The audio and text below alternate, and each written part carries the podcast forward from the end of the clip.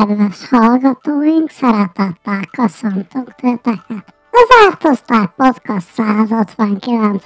adásában. Én Sünyi néni vagyok, és ezen a napon átveszem az irányítást. Hallgatóink visszajelzése alapján a legutóbbi ceszes adásban túl keveset kaptam lehetőséget arra, hogy kifejtsem a véleményemet, ezért most még Stadler a délutáni pihenését tölti. Magamhoz jaragattam a mikrofont. A felvételem napján 2023. január 15-e van, vasárnap. Azok, akik követik Discord csatornánkat, tudhatják, hogy ezen a héten Stadlernak nem sikerült túlzottan jól a repülő útja. Előadtaztam és pont önmagában egyedül. De erről majd beszámol, amikor fölébred. Addig elmondom nektek, hogy én hogyan szoktam zöld borsó főzelét készíteni, és ha még belefér az időnkbe, egy kis vagdaltat is hozzá. Tehát először is lefejtem a zöld borsót. Süni néni, kértem, hogy ne tessék elkezdeni nélkülem, most vághatok megint mindent előről. Csak pofákat vághatsz másnak. Nem hagyod az anyagomat, különben nem jövök többet. Na jó, majd meghallgatom, de remélem mellőzte a profanitást. Gyorsan ugorjunk technológiai hírekre, mivel gyanítom, hogy itt ételreceptek kezdtek bemutatódni az utóbbi percekben. Nem csak technológiai hírekkel él az ember. Jó, de ez egy technológiai hírekről szóló csatorna lenne. És, mint aktuális hír, nem hagyhatjuk ki azt, hogy a Tesla nem régiben egy elég komoly, közel 30%-nyi árcsökkentést jelentett be a közelmúltba. Ezt azért tette, hogy meg tudja őrizni a piacvezető szerepét, legalábbis az eladott autók darabszámát tekintve. Úgy néz ki, hogy a piacon megjelenő más kihívók, akik a hagyományos autógyártásból érkeztek, kezdik utolérni az amúgy forradalmi Tesla modelleket, ami valós konkurenciát jelent az autógyártó számára. Korábban ugyanis a hagyományos autógyártók régi belső égési motorjaikkal szerelt, illetve arra tervezett autók átalakításával készítették az elektromos járműveket, mostanra viszont már lekerültek a tervező asztalról a teljesen elektromos hajtáslánchoz kialakított alvázak, futóművek, karosszériák. A továbbiakban tehát nem csupán kiegészítésképpen kínálják a modellpalettán ezeket, hanem valós elektromos járművekként jelennek meg. Ezek a gyártók viszont lényegesen finomabb és kiforrottabb módszerekkel dolgoznak az autó előállításokon, tehát a minőségük talán elfogadhatóbb annál, mint amit a Tesla például leszálló üvegteteivel tudott produkálni. Hát igen, szokták mondani, hogy akik forradalmat csinálnak, azt későbbiekben jó eltávolítani a környékéről is az újonnan kialakított világnak. Úgy néz ki, ezzel a Tesla belép Elon Musknak azok közé, az újításai közé, amelyek megreformálták ugyan a piacot, de nem feltétlen tudtak vagy tudnak megmaradni azon. Hasonló ez a Twitter hirtelen átalakítása utáni problémákhoz, a SpaceX, illetve a Starlink kiváló ötletéhez, amelyből már előre látszik, hogy nem lehet profitábilis megoldás, a Hyperloop alagútjaihoz, amiben gyakorlatilag egy nem is önvezető autó segítségével lehetett csak utazgatni, vagy akár a SpaceX által ismét elhozott űrforradalomhoz, ahol az újra felhasználható űrjárművek úgy néz ki, más gyártóknál is elkezdenek teret hódítani, emellett pedig őket az Artemis program lassulása, befagyasztása miatt várhatóan pénzügyi nehézségek fogják majd gyötörni. Talán csak egy dolog vezethet ki ebből a gödörből, ha ők is az amerikai hadsereg beszállítójává válnak. Ott ugyanis közmondásosan sokat tudnak elkölteni olyan felszerelésekre, amikre akár szükségük sincsen. Úgy néz ki, ez nem mindig van így, hiszen például a Microsoft már korábban csúfos kudarcot vallott HoloLens technológiáját úgy néz ki, hogy a kongresszus nem támogatja a továbbiakban. A korábban beszerzett 5000 a használóknak fejfájást és émeigést okozó HoloLens headset, amit a sokat látott katonák is nehézkesnek és veszélyesnek tartottak. Nem régiben benyújtottak egy számlát a kongresszusnak, még 6900 unit leszállítására, amit az elutasított. Pedig potom 400 milliót biztosan meg, megért volna. Annyira lehet, hogy mégse hülyék, hogy a hülyének is megérje. De várjál csak, 400 milliót kértek 6900 ilyen izére. Az azt jelenti, hogy közel 58 ezer dollárba kerül egy ilyen headset. Hát annyiért már Teslát tudsz venni. Korábban csak egy modell három fért volna bele körülbelül, most viszont egy Model Y Performance az pont 57 ezer dollárba kerül. Na igen, Süni néni, de hát azt nem lehet a fejünkön hordani. Hát de lát legalább annyira a sötétben, mint a HoloLens. Sőt, na nézzük, mi van még a kalapban? Egy korona, hiszen az igazi királyok Apple termékeket hordanak a fejükön is.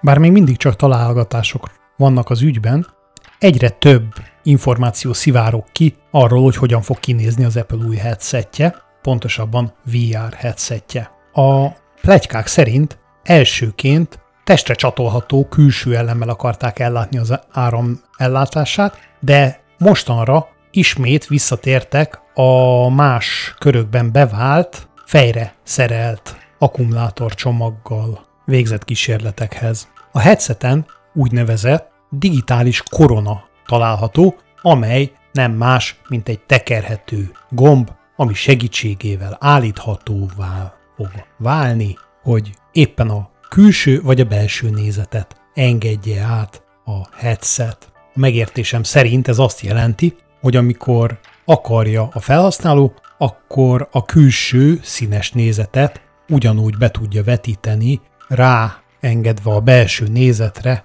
mint egy AR headsetbe, és a saját belátása szerint állíthatja ezt fokozatosan. Persze, ez még csak találgatás. Az viszont már szinte biztosnak tűnik, hogy 3000 dollár körüli összegért lehet majd hozzájutni konfigurációtól függően az eszközhöz, így a hadsereg akár 20 is beszerezhet katonái számára belőle. Mivel az eszközt elsősorban vállalati, illetve üzleti használatra szánják, a fő céljuk a videokonferencia megújítása vele. Elég baj az, hogy napközben állandóan ugyanazokat az arcokat látod. Még akkor is, hogyha távmunkázol. Muszáj az 3D-ben. A közönségnek erre van igénye. Az biztos, hogy arról még nincsen hír, hogy készülne-e hozzá bármilyen speciális játékkontroller, hogy ne csak irodai használata lehessen ennek az eszköznek. Mi a továbbiakban is azt várjuk, hogy a Reality márkanevet az Apple korábbi termékeihez hasonlóval lássa el egy i előtaggal. Irreality. Na, figyelj most akkor meséld már, hogy hogy is volt ez a repülés. Hát igen, azoknak a hallgatóinknak, akik esetleg nem olvassák a Discord csatornánkat, elmesélem akkor, hogy hogyan sikerült néhány hurkot tenni a amúgy egyszerűnek tűnő üzleti utamba a héten. Külországban jártam, ami számomra elég szokatlan, így talán nem meglepő, hogy az utazás szervezést sikerült némileg elnagyolnom.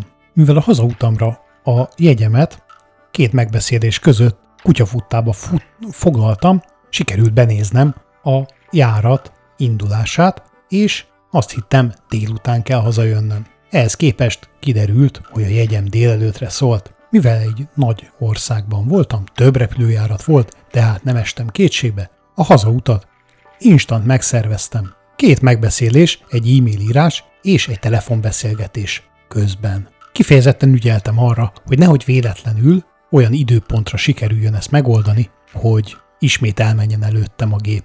Mivel emiatt a hazautam egy másik légitársasághoz került, amely egy másik repteret használ indulásra és érkezésre, mint az, amivel korábban repültem, rábíztam magam a repülő társaságra, hogy segítsen a transferemet elintézni. Ezt vonattal oldottam meg, kiválóan meg tudtam vásárolni online a jegyet a repülőre. Közben természetesen egyik fülembe egy ö, tárgyalás duruzsolt, miközben párhuzamosan egy levelet is gépeltem.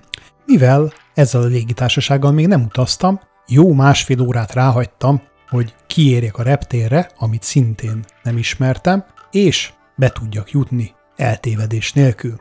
Hiszen a repterek, bár egyszerűnek tűnnek, hatalmas labirintussá tudnak alakulni, hogyha éppen siet az ember. Kényelmesen utaztam ki a reptérre, majd amikor a jegyemet érvényesítettem volna befele menet, a beléptető kapu kiírta, hogy hát ez nem az a reptér. Mint kiderült, a felajánlott transferút az egy másik járathoz volt, nem pedig ahhoz, amire én szerettem volna lecsekkolni, így nem a várostól északra, hanem a délre levő repülőtérről kellett volna startolnom. A repülőgép indulásáig ebben a pillanatban 1 óra 47 perc állt rendelkezésemre. Ebből két percet vett igénybe az, hogy ellenőrizzem a légitársaságnál, hogy van-e lehetőség mégis erről az reptérről, mégis azzal a géppel indulnia, aminek egyébként már egy jó órás késése volt, és még helyszínen volt, amire azt a választ kaptam, hogy nem, sajnos ez a járat tele van, menjek át a másik reptérre. Eddig nyugodt és kiegyensúlyozott napom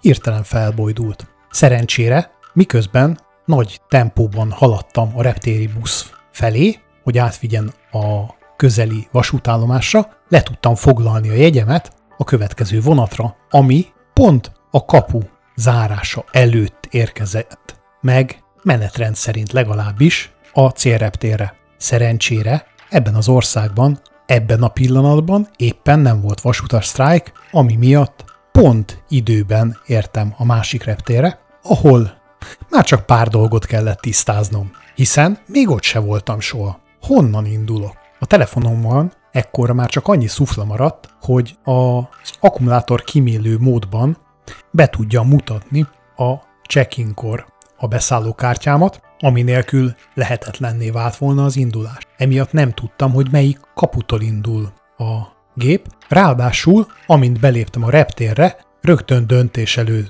álltam, északra vagy délre indulok, szerencsére. Az ösztöneim a delet sugalták, és arra indultam el lelkesen. Hiszen, ha északra mentem volna, akkor körülbelül egy kilométert kellett volna a reptéren el gyalogolnom, míg visszaérek a másik kapuhoz, ami egyébként már így is be volt zárva. A kedves biztonságiaktól megkérdeztem, hogy esetleg van-e lehetőség arra, hogy, hogy még a földön tartózkodó géphez oda menjek és beszálljak, amire azt mondták, hogy hát 7 perccel ezelőtt, ugye ennyi volt az út a vasúttól eddig a pontig, csuktak be a check-in kapuk, tehát most már lehetetlen.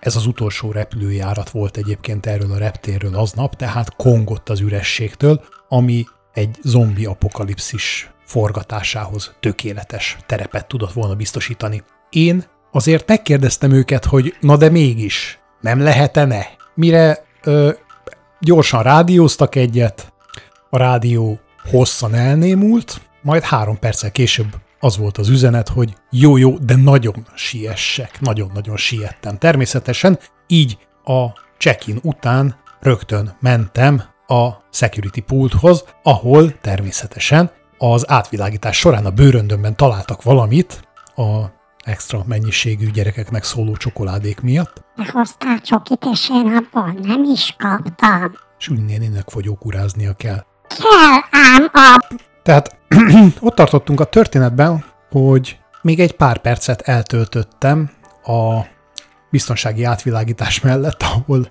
ö, láttam, hogy pukkadoznak már hátul a röhögéstől az emberek. Már a security hiszen más már nem volt a reptéren. És ö, adtak egy jó leírást arról, hogy na akkor itt elmegy jó hosszan, ott elmegy lefele, ott végig megy azon, ott lemegy, ott átmegy. Én úgy gondoltam, hogy ez egy körülbelül pár perces út lesz. Kiderült, hogy bő 10 percen keresztül kellett futnom bőröndel és laptoptáskával a kapuig, amiben valóban még ott állt a repülőgép, és utolsó pillanatban sikerült belépnem. Utána be is csukták az ajtót, de ettől függetlenül még 20 percig álltunk, hiszen valószínűleg a pilótának még adminisztrálnia kellett az indulás előtt. Nem csoda, hogy egy kicsit nehezen pihentem ki azt a napot. Akkor azért veszünk ma föl. mert tegnap végig aludtad a napot. Naplopó, meg csoki lopó, hol a csokim. Kedves hallgatók, ne aggódjatok, Süni fog kapni valamit, de se tejet, se csokoládét nem szabad a sünöknek adni, hiszen mind a kettő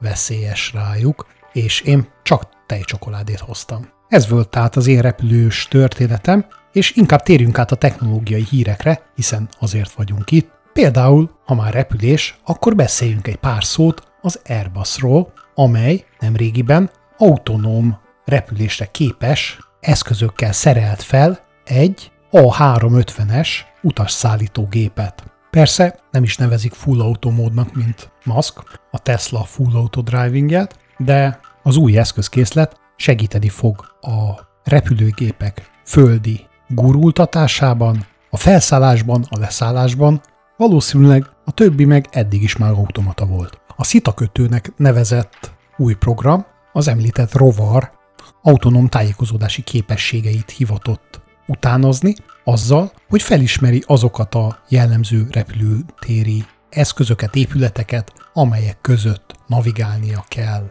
Izgalmas, hogyha ez a technológia elkészül és bevethetővé válik a polgári légiközlekedésben, akkor akár a jelenleg létező flottákat is retrofitelhetik vele, tehát visszaépíthetik a többi Airbusba is ezeket a képességeket. Kicsit olyan ez, mint amikor a B-52-eseket a második világháború óta rendszerben tartották, csak már kicserélték a összes részét, mint nagyapád felszéjét, aminek már volt a nyele is cserélve, meg a feje is, de attól még a nagyapád felszéje. Pontosan, Süni néni. Ezzel meg lehet hosszabbítani az élettartamát ezeknek a gépeknek, úgy, hogy közben csökkenthető az üzemeltetésükhöz szükséges emberi erőforrás, ráadásul biztonságosabbá tehetőek. Most a repüléseim során kifejezetten örültem volna, hogyha egy AI rakja le a gépeket, mert akkor nem vágta volna oda az aszfalthoz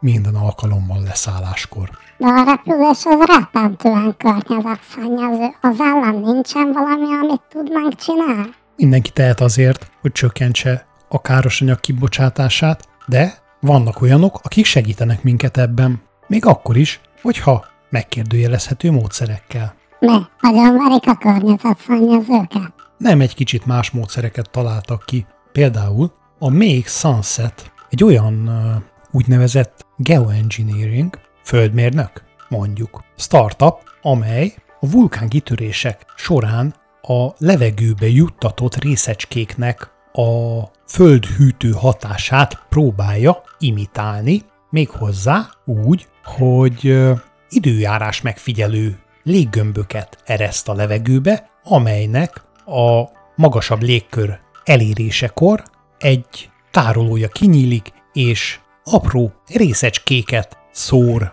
a stratoszférába szanaszéjjel.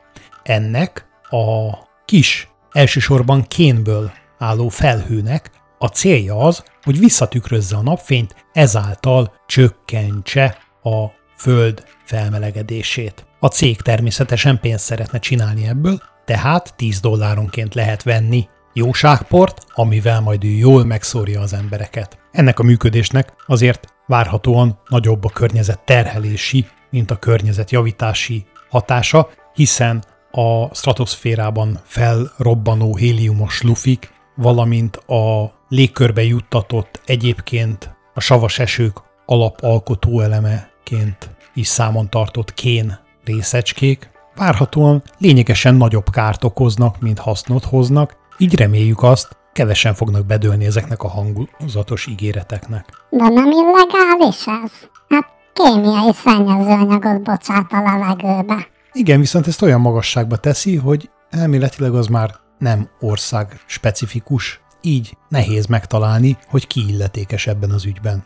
Reméljük azért, ez azok közé a startupok közé tartozik, amely gyorsan csődbe megy. Nem szeretem a savasasot, csípi a szemem. Hát, ez is csípi a szemét, de képzelje el, Süni milyen, ami a 444 által cesen bemutatott dolog. A hírportál? Nem, ez egy amerikai cég. Önvédelmi termékeket forgalmaz. A startup tulajdonosai úgy nyilatkoztak, hogy a 444 az egy angyali szám, amely védelmet biztosít a felhasználók számára. A CES-en mutatták be prototípus eszközüket, amely egy könyvgázpatronból, valamint egy Bluetooth adóból áll. Amennyiben az eszköz használatra kerül, a Bluetooth a közelben levő csatolt telefon felhasználásával, és természetesen a kapcsolt app felhasználásával azonnal értesíti a megjelölt kapcsolatokat az használat helyéről, idejéről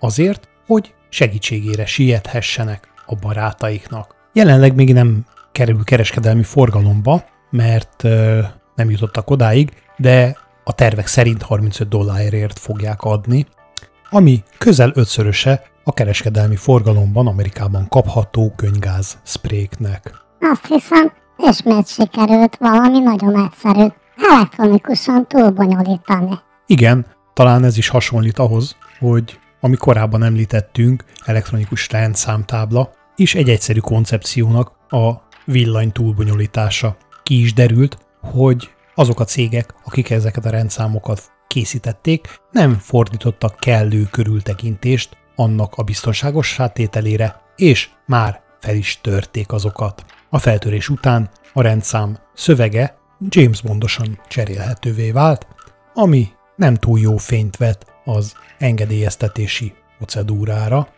Minden esetre, ha valami egyszerű, nem feltétlen jó túlbonyolítani azt egy appal. Sokszor és sokat beszéltünk mesterséges intelligenciáról, de talán a Microsoft nem volt eddig ezeknek a híreknek a központjában. Pedig Redmondban sem felejtettek el alkotni, sőt, igen komoly kutatólaborokkal is rendelkeznek. A hírek szerint olyan mesterséges intelligenciát sikerült készíteniük, amely képes akár egy három másodperces hangfelvételből utánozni egy ember hangját. De nem csak a hangját, hanem annak a felvételnek a körülményeit, akusztikáját is, ahol a betonuláshoz használt hangfelvétel készült. Jelenleg még problémái vannak akcentusokkal, illetve bizonyos hangokkal, de tartok tőle, hogy ha ezt a fejlesztést tovább viszik, kisvártatva teljesen bármikor deepfake válnak az emberek. Az egyetlen vígasz, hogy annyi eszük azért volt, hogy ne tegyék publikusan elérhetővé ennek a forrását, és nem azért, mert a szellemi tulajdont akarják védeni, hanem már ráébredtek, hogy ezzel igen komoly visszaélésekre adnak lehetőséget. Sose volt még ilyen deepfake. Még szerencse, hogy behúzták rajta a féket. Na és még egy rövid hír fér be itt adásunkba. Az Amazon digitális IKER programja. Az Amazonnak az digitális ikre az Amazon, nem? Nem. Tudja egyáltalán Süni néni, mi az a digi- digitális iker? Hát, amikor túl sok digitalista vagy gyűjtővirágot fogyasztok, akkor kettőt látok mindenből. Ez lehet igaz, de a digitális iker az egy olyan szimuláció valójában, amely lehetővé teszi bizonyos specialitások vizsgálatát, amit élőben nem tudunk megcsinálni. Például, amiről éppen beszélni szeretnék, az egy olyan digitális siker, amelyben tereket lehet szimulálni.